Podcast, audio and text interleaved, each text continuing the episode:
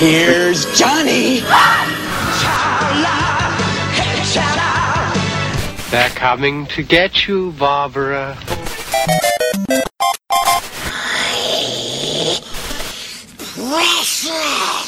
Expecto Patronum! Look at me, Damien. Yippee-ki-yay, motherfucker. eherbata.pl eh, Gonna be legend. Wait for it. It's a trap! Dairy. Legendary. Żarłok i Skóra Mando, Jerry. Szymas. oraz nasi goście. Konglomerat Podcastowy. Wasze ulubione podcasty w jednym miejscu. zapraszamy. Zapraszamy. Zapraszamy. Zapraszamy.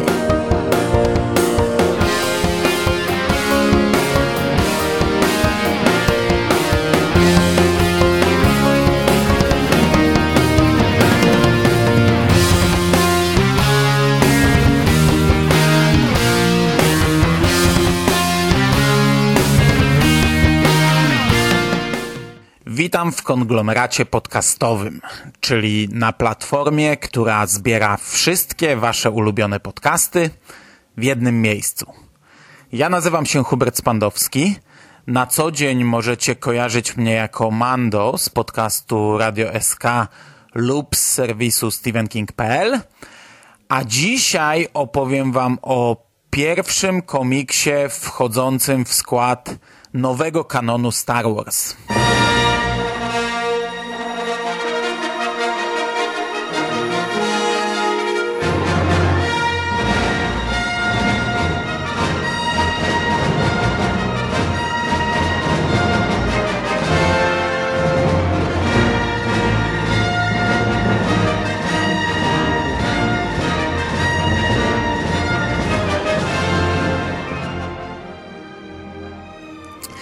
Dzisiejszy podcast w pewnym sensie jest częścią naszej nieregularnej serii, w której wraz z Jerrym omawiam nowe komiksowe uniwersum Gwiezdnych Wojen. Tym razem jest jednak nieco inaczej, no bo po pierwsze nie jestem z Jerrym, a nagrywam solo, a po drugie będę mówił o nietypowym dla nowego kanonu komiksie. Jak możecie zauważyć w graficzce, która zdobi ten podcast, no nie ma tutaj logo Marvela, a jest logo Dark Horse. Dzisiaj bowiem biorę na warsztat komiks Darth Maul Son of Datomir, który jest ostatnim gwiezdnowojennym komiksem ze stajni Dark Horse, wydanym już po kupieniu marki przez Disneya. I jest to jednocześnie pierwszy komiks nowego kanonu, i jednocześnie jedyny kanoniczny komiks od Dark Horse. Bo jak wiemy, chwilę później komiksy wróciły do Marvela i od tej pory cały nowy kanon budowany jest w Domu Pomysłów. A nie ma z nami dzisiaj Jerego z dwóch powodów. Po pierwsze, ten komiks raczej nie zostanie wydany w Polsce, a na pewno nie ukaże się w ramach magazynu Star Wars Comics, y, którego zawartość systematycznie wspólnie omawiamy. Dlatego też nie użyłem dzisiaj naszego głównego intro, a po prostu sam czysty motyw y, filmowy, bez nałożonego y, trailera magazynu komiksowego. Przy czym to jest ten mniejszy problem, bo Jerry nawet wykazywał chęć przeczytania tego komiksu w oryginale. Podstawowy problem jest taki, że ten komiks z założenia miał być częścią starego kanonu, czyli aktualnych legend. Był on w pewnym sensie częścią i kontynuacją wątków z serialu Wojny Klonów i już na starcie serwował nam spory próg wejścia – a z tego, co się dowiedziałem, Jerry nie oglądał jeszcze anonimowych Gwiezdnych Wojen, więc kompletnie bez sensu brać się za ten komiks. Siłą rzeczy będę miał dzisiaj dla was dość długi wstęp. wstęp zajmie większość tego podcastu. No i będzie to sporo spoilerów z serialu, ale jeśli nie widzieliście serialu i nie macie pojęcia, jaka jest kanoniczna historia Darta Maula, to największy spoiler i tak już dostaliście. Tak, Darth Maul jest jednym z bohaterów Wojen Klonów. Mnie wydawało się, że jest to fakt powszechnie znany fanom Gwiezdnych Wojen, ale jak się niedawno dowiedziałem, no to wcale tak nie jest. Istnieją fani, którzy nawet pomimo dość sporego zaawansowania w, w nowe, rozszerzone uniwersum, ale również i w stare, rozszerzone uniwersum w postaci książek czy komiksów, w tym temacie nadal żyją w niewiedzy. Zacznijmy może od nakreślenia całej historii. Na starcie wyjaśniam, e, że to nie jest wymysł nowego kanonu. To nie jest wymysł Disneya i to nie jest wymysł obecnie pracującej nad spójnym uniwersum e, Story Group. Serial Wojny Klonów jest obok sześciu pierwszych epizodów kinowych jednym z siedmiu tytułów, które stanowią zarówno część nowego kanonu, jak i są spójne z legendami, no teoretycznie spójne, no na tyle, na ile ten serial od początku był w ogóle spójny z ówczesnym rozszerzonym uniwersum.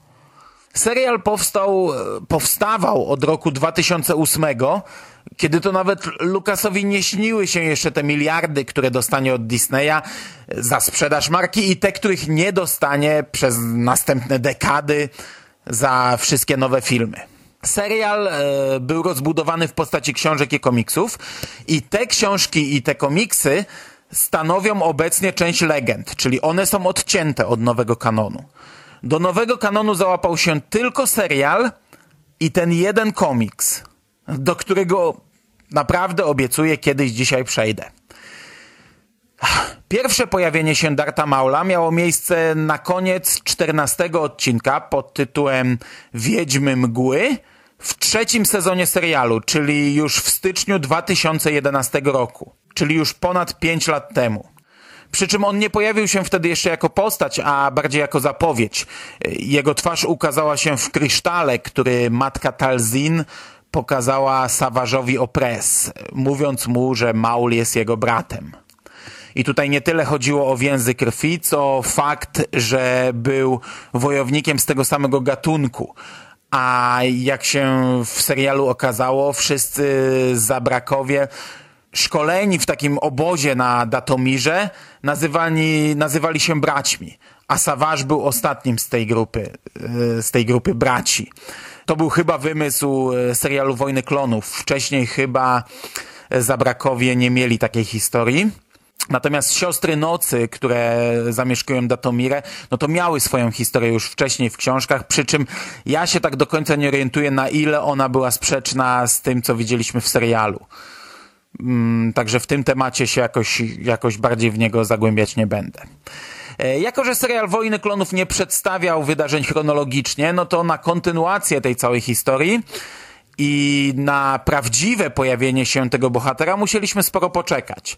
E, w serialu zadebiutował on ponad rok później, w marcu 2012 roku, w w trylogii, przy czym to, były, to, była, to było dwuodcinkowe zakończenie czwartego sezonu, a potem jeszcze w otwarciu piątego. I to dwuodcinkowe zakończenie to były odcinki numer 21 pod tytułem Bracia i 22 pod tytułem Zemsta. I to były naprawdę cholernie dobre odcinki.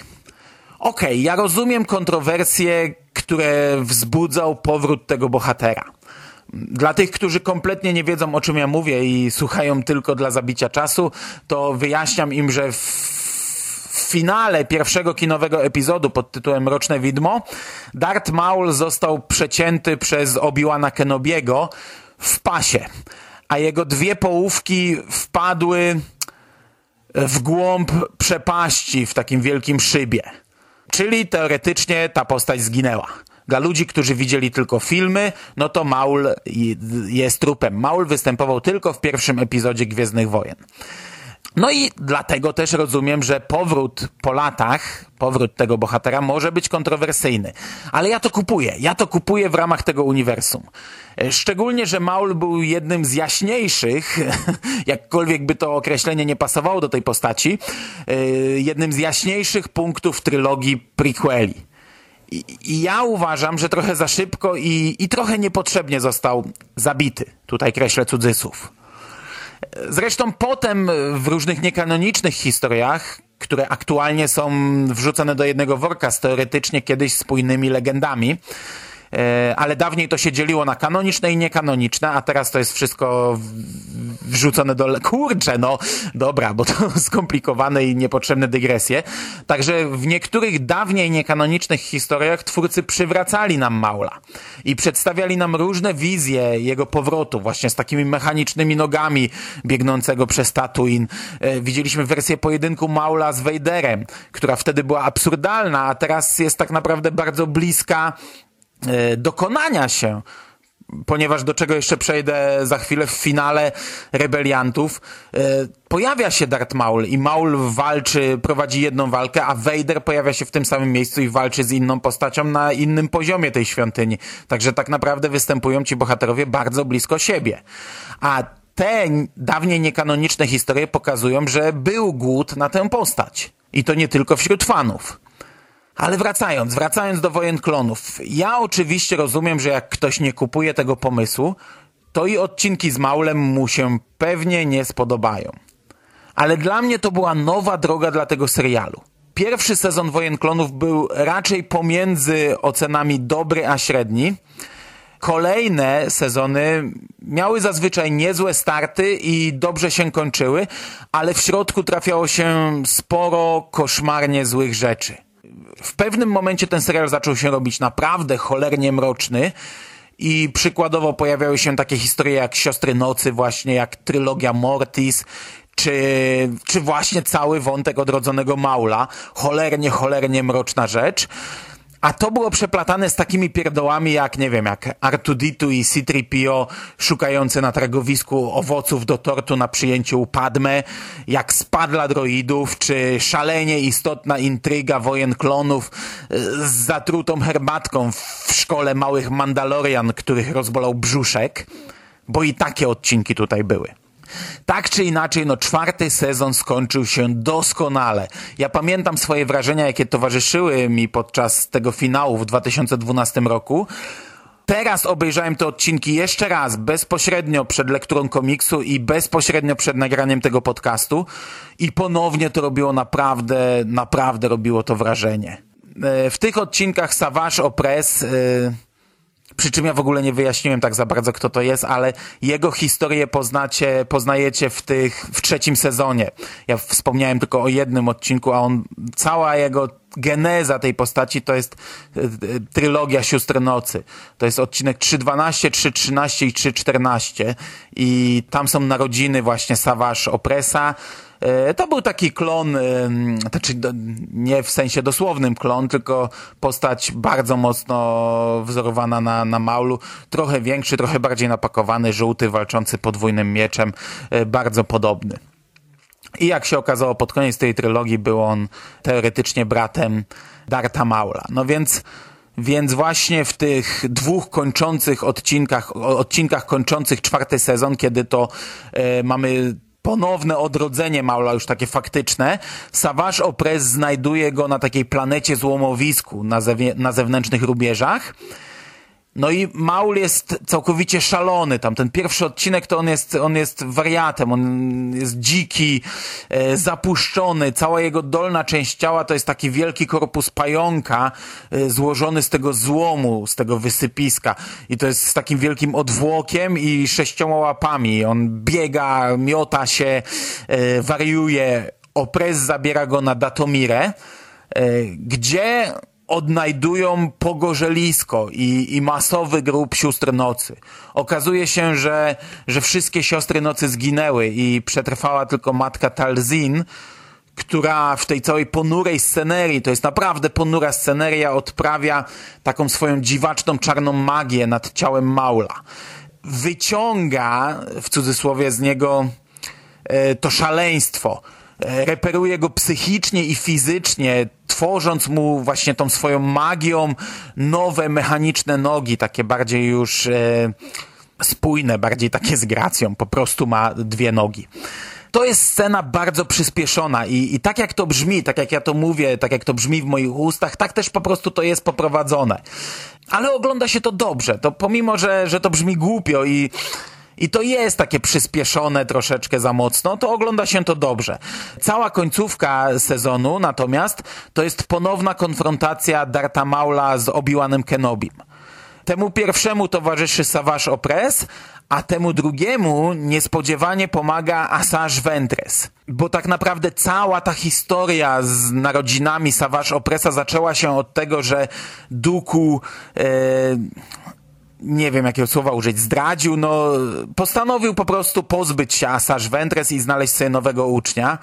No i Assange Ventres wróciła jako siostra Nocy, też o tym we wcześniejszym kanonie, to ona nie miała takiej historii, to dopiero Wojny Klonów tak napisały historię tej postaci, że ona jest jedną z sióstr Nocy na Datomirze. E, dlatego teraz Assange Ventres w zasadzie nie jest ani zła, ani dobra, miota się pomiędzy, chce się zemścić na duku, e, chce odejść, chce, w zasadzie sama chyba nie wie, co chce robić i, i na skutek pewnych zbiegów okoliczności, akurat w tym konkretnym odcinku ona staje się sojusznikiem Obi-Wana Kenobiego.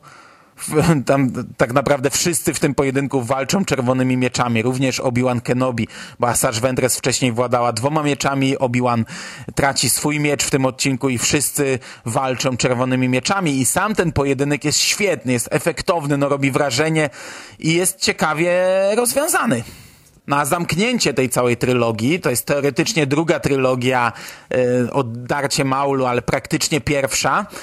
Następuje w otwarciu piątego sezonu, w odcinku pod tytułem Odrodzenie.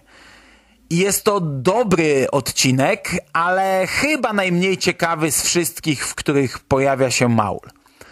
Y, po raz pierwszy zostaje zarysowana hierarchia w duecie Maul-Opress.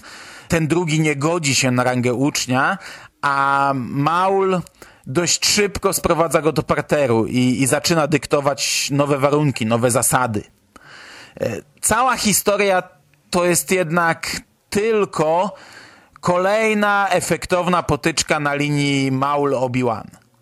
Na scenę znów wraca Hando wraz ze swoją ekipą ci dwaj udawani Sithowie mm, sprzymierzają się z nimi, sprzymierzają się z piratami, terroryzują planety, ujawniają się zakonowi, rzucają rękawice Kenobiemu, ten ją podnosi, staje do walki, przekabaca piratów na swoją stronę i ostatecznie zmusza Sithów do ucieczki. Koniec. Efektowne, obfitujące w dużo akcji, ale najmniej ciekawe. Natomiast ostatnie pojawienie się Maula w Wojnach Klonów w trylogii złożonej z odcinków 14, 15 i 16 piątego sezonu, czyli to jest odcinek Eminencja, e, odcinek Odcienie Szarości oraz Bezprawny.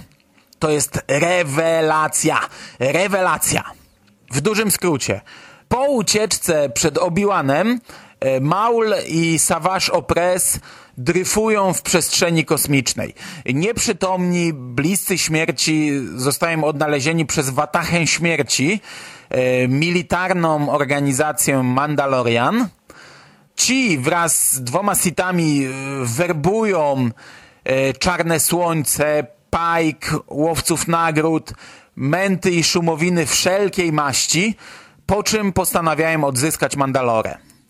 E, Sitowie wraz z resztą tej złej ferajny przeprowadzają różne pozorowane ataki, a Wisla e, wraz z Watachą Śmierci odpierają je. Bronią ludność, podburzają ludność przeciwko nowemu rządowi i nowej pokojowej polityce, a wreszcie przejmują władzę. Zabijają część współtowarzyszy, teatralnie pojmują Maula, który wykorzystując durne prawa i tradycje ostatecznie wyzywa Wisla i podejmuje walkę i przejmuje władzę.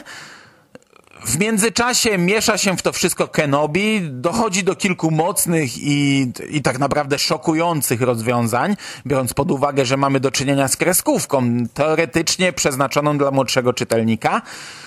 Jest brutalnie i jest szalenie odważnie. E, ginie kilka postaci i nie są to śmierci w walce, a mocne egzekucje. Oczywiście odpowiednio wykadrowane, odpowiednio zakryte, pokazane fragmentarycznie, ale no, jak mamy scenę, w której Maul ścina głowę klęczącej postaci, to nieważne, że tak naprawdę niczego nie widzimy, bo zasłania nam to jeden z obserwatorów.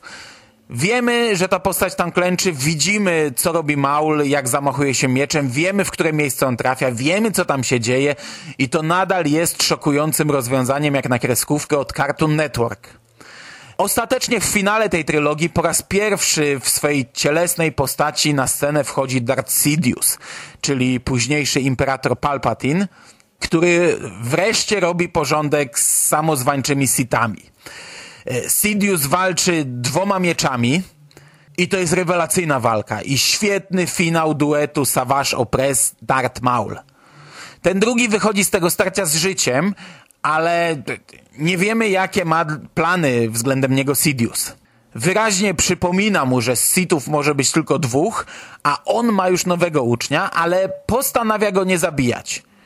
I, i właśnie w ten sposób tak właśnie Maul schodzi e, na długi czas ze sceny. Aktualnie wiemy już, że to nadal nie jest koniec Maula na kartach historii odległej galaktyki.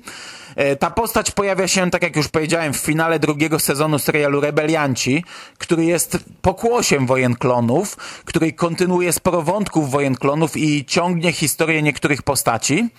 Ten finał jest świetny i znów jest mroczny, co w przypadku Rebelsów e, nie było znowu takie częste bo choć akcja tego serialu rozgrywa się w okresie nazywanym Mroczne Czasy, e, to serial miał jednak nieco inny, e, lightowy, awanturniczy, przygodowy wydźwięk, a finał tego drugiego sezonu jest, e, jest fajny, jest naprawdę mocny, jest naprawdę mroczny. I po części to jest znów zasługa Maula co tylko podkreśla, jak dobrą decyzją było ożywienie tej postaci i ciągnięcie tego wątku. W Wojnach Klonów był on naprawdę jednym z ciekawszych punktów tego serialu. I powoli, powoli wypadałoby przejść wreszcie do głównego tematu dzisiejszego odcinka.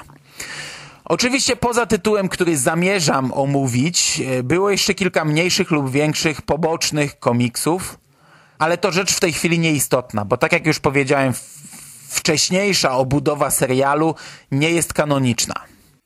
A dlaczego zrobiłem taki długi wstęp? Po pierwsze, aby cała opowieść była pełna, a po drugie dlatego, że omawiany dzisiaj komiks jest jednym z efektów przejęcia Lucasfilm przez Disneya i skasowania serialu Wojny Klonów. Ten serial doczekał się pięciu pełnych sezonów emitowanych na kanale Cartoon Network. Piąty sezon miał naprawdę świetny finał i, i po tym odcinku zostało ogłoszone, że serial nie będzie kontynuowany. Ja przyznam, że mnie to pasowało, bo finał był naprawdę godny. Oczywiście większość wątków pozostała otwarta, no ale to jest taka historia, że zawsze większość wątków będzie otwarta. Disney przejął markę, komiksy przeszły do Marvela, którego Disney kupił kilka lat wcześniej, a animacje do kanałów Disneya. Oczywistym było, że nie będą kontynuować serialu na tym etapie, a stworzą coś nowego na bazie Wojen Klonów. Pozostała jednak masa rozgrzebanych materiałów. Po roku okazało się, że to nie jest koniec tego serialu i 13 wyprodukowanych już odcinków szóstego sezonu udostępnił Netflix, a w ciągu kolejnego roku oficjalna strona Star Wars udostępniła w necie kolejne 8 odcinków, które IMDB klasyfikuje jako siódmy sezon, ale tak naprawdę to są tak zwane The Clone Wars Legacy, czyli odcinki nieukończone. One chyba wszystkie są normalnie kanoniczne i fabularnie pełne, ale wizualnie dość koszmarne, przypominające grę komputerową z przełomu wieków. 28 września, teraz, za kilka miesięcy, w Polsce ukaże się książka Dark Disciple autorstwa Christy Golden, która będzie, która jest w zasadzie, no bo w Stanach ona już wyszła, adaptacją niewykorzystanych pomysłów na serialową historię o Asajj Ventress i Quinlanie Vos, co pokazuje, że no, te scenariusze, które zostały twórcą po skasowaniu serialu, oni wykorzystywali ró na różne sposoby i, i właśnie tym jest omawiany dzisiaj komiks. Darth Maul, Son of Datomir. I tutaj fanfary przechodzimy wreszcie do sedna. Ten komiks jest również adaptacją odcinków, które nigdy nie powstały. Komiksową wersją pomysłów, jakie miały pierwotnie pojawić się w szóstym sezonie serialu. I dlatego właśnie mówię o wysokim progu wejścia i dlatego od 25 minut robię wstęp do części właściwej. I dlatego też nie męczyłem Jerego o wspólne nagranie, choć pewnie byłby to ciekawy punkt widzenia na komiks bez znajomości serialu i bez znajomości historii odrodzonego Darta Maula. Natomiast komiks, komiks of Datomir ukazał się w 2014 roku i składał się z czterech zeszytów. E, za scenariusz odpowiada Jeremy Barlow, który jako scenarzysta i edytor zrobił bardzo wiele w temacie gwiezdnowojennego komiksu. Pracował m.in. przy długich seriach takich jak Empire, Rebellion czy Rycerzach Starej Republiki, ale też przy wielu, wielu innych krótszych tytułach. Rysownikiem komiksu był Juan Juan Frigeri, ja nie mam pojęcia jak to się czyta, którego ja przyznam, że, że nie znałem. Ale od strony wizualnej ten komiks jest ok. Absolutnie niczym nie powalił mnie na kolana, ale jest przyzwoicie. E, choć ja uważam, że Maul to jest taka postać, której nie sposób spieprzyć na rysunku. W zasadzie można narysować dowolną twarz, która po pokryciu czerwono-czarnymi elementami musi wyglądać dobrze. Ta postać jest po prostu stworzona do rysunkowej wizualizacji. Przeciwieństwem może być Vader, którego dość trudno zobrazować w komiksie. Tam wystarczy lekko gdzieś coś, jakiś element e, przeciągnąć nie tak, nie taką skalę dać i on już wygląda kiepsko, a do tego jest to postać, którą bardzo ciężko narysować w dynamicznych scenach. On dobrze wygląda jako taki mroczny lord stojący gdzieś e, nieruchomy, ale gdy ma zacząć się ruszać, to, no to to nie wygląda dobrze. Natomiast Maul jest do tego stworzony. Maul zwykle wygląda kapitalnie na kartach komiksu. W tym przypadku e, jest dobrze, jest ok. To znaczy, pod tym kątem ten komiks nie ustawia poprzeczki na jakimś nowym poziomie. Przy czym jest to jego jaśniejsza strona. Ogląda się to przyjemnie, postacie wyglądają jak trzeba, sceny dynamiczne, których jest tutaj od zatrzęsienia, wypadają przyzwoicie. No, dobra rzecz, ale bez rewelacji. Scenariuszowo natomiast e, to jest taka historia, która ni grzeje mnie, ni ziębi. Myślę, że lepiej sprawdzałoby się to jednak na szklanym ekranie, ale i tak wydaje mi się, że byłby to jeden ze słabszych występów Maula w serialu Wojny Klonów. No w porównaniu z jego odrodzeniem i w porównaniu z jego historią na Mandalorze e, wypadałoby to raczej tak sobie. Mamy tutaj dużo akcji, i sporo wydarzeń upchniętych do objętości czterech zeszytów. I ciężko powiedzieć, czy winę ponosi tutaj jakiś pośpiech, by wydać ten tytuł jeszcze w tym konkretnym wydawnictwie, czy może jakieś ograniczenia czasowe i dlatego wyszło to w tak małej objętości. No może to też jest jakaś wina, yy, może ten uciekający czas też odpowiada za takie, a nie inne rozplanowanie tego komiksu. No nie mam pojęcia. Tak czy inaczej mamy tutaj galopującą akcję za akcją. Walka, ucieczka, zmiana planety, walka, ucieczka, zmiana planety i tak dalej. E, historia zaczyna się w tajnym więzieniu, w którym Sidious przetrzymuje Maula. E, tam też znajduje się hrabia Duku, który torturuje go, by ten wydał mu nazwiska i lokacje bazy kolektywu cieni, czyli syndykatu zbrodni, któremu przywodzi Maul. Tym czasie dwóch Mandalorian wpada do tego tajnego więzienia, rzuca kilka bomb, wysadza kilka droidów i wysadza kilka ścian i odbija Maula. E, ten leci do tej tajnej bazy kolektywu cieni, ale tam zjawia się flota generała Grievousa, który robi mu małą rozpierduchę, zabija część kolektywu, reszta ucieka i ląduje na innej planecie. W międzyczasie Maul za pomocą tej dziwacznej magii, tej zielonej, tego zielonego dymu, tej dziwacznej magii z Datomiry, sióstr, sióstr i braci nocy, łączy się z matką Talzin, która wydaje mu polecenie udania się na jeszcze inną planetę, wysyła posiłki i tak dalej. Ogólnie cały plan Sidiousa, który wykonują Duku i Grievous, ma na celu wywabienie i zabicie matki Talzin. Na kolejnej planecie dochodzi do kolejnej walki. E, raz wygrywają jedni, chwilę później drudzy. Ostatecznie Duku i Grievous zostają pojmani przez kolektyw Maula i zabrani do tajnej bazy wykutej w dryfującej skale na polu asteroid. Tam uderzają Jedi, E, Kenobi znów e, staje do walki, znów towarzyszy mu jakaś anonimowa Jedi, która pojawiła się tam bodajże w dwóch odcinkach serialu. I znów ona ginie, on nie ginie, niczym kalka z odcinka 501. Maul i Dooku uciekają na Datomirę, tam pojawia się Sidious i Grievous, trochę się biją, część bohaterów ginie, część przeżywa, koniec. Jest tutaj kilka ciekawszych elementów. E, Maul chce przeciągnąć Duku na swoją stronę. Razem z duchem matki Talzin próbują e, otworzyć mu oczy, przekazać mu prawdę na temat Sidiousa. Pewnie gdyby lepiej wyważyć te wszystkie potyczki, gdyby zrobić ich trochę mniej, rozciągnąć to do większej objętości, rozpisać jakąś historię, która nie opierałaby się na kolejnym piw-paf i boom-trach, to może ten komiks byłby całkiem ciekawy. Tak jest tylko ok. Przeczytałem, trochę się wynudziłem, kilka razy opadła mi powieka, kilka razy musiałem trochę ze sobą powalczyć. Ale ogólnie no nie męczyłem się jakoś specjalnie mocno. Prosta historyjka, która może przypaść niektórym do gustu, ale przyznam, że nie wiem, co było w niej tak ważnego, by doczekała się komiksowej adaptacji. Nie czuję się bogatszy o jakąś wiedzę po uzupełnieniu tego malutkiego punktu w historii Maula pomiędzy wojnami klonów a serialem Rebelianci. Chociaż nie będę też tego jakoś specjalnie krytykował. Można przeczytać, pewnie warto przeczytać, jak ktoś chce poznać cały nowy kanon, ale nie oczekujcie żadnego przełomu. A dodatkowo jako samodzielny twór to wypada chyba jeszcze słabiej. Y, Bohaterowie rzucają między sobą jakieś informacje, które ostro spoilerują wydarzenia z serialu, ale w oderwaniu od serialu no, będą albo niezrozumiałe, albo bardzo zdawkowe. I choć nie mnie to stwierdzać, no to wydaje mi się, że ten komiks trzeba traktować jako integralną część serialu. Bo bez tego będzie on po prostu jeszcze mniej ciekawy. I to tyle na dzisiaj ode mnie. Jeśli chcecie osobiście poznać kanoniczną historię odrodzonego Maula, to przypomnę jeszcze raz odcinki serialu The Clone Wars, które na, po które należy sięgnąć. E, Jest to po pierwsze trylogia o siostrach nocy i Savage'u Opresie.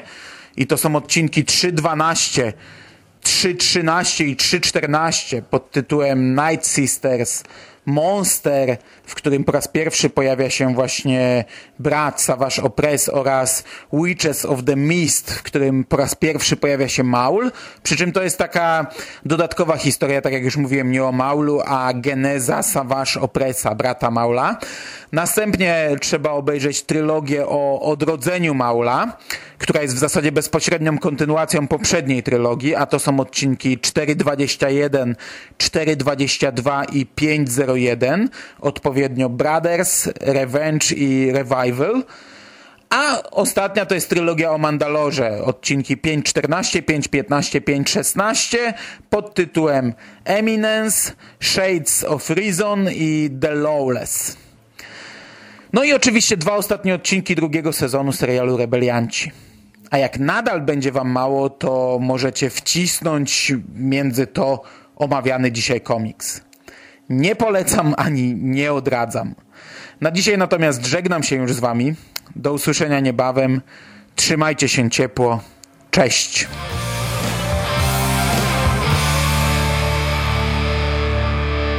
You finished? man. Game over, man. It's game over. What the fuck are we gonna do now? What are we gonna do? It's over. Nothing is over! Nothing! You just don't turn it off!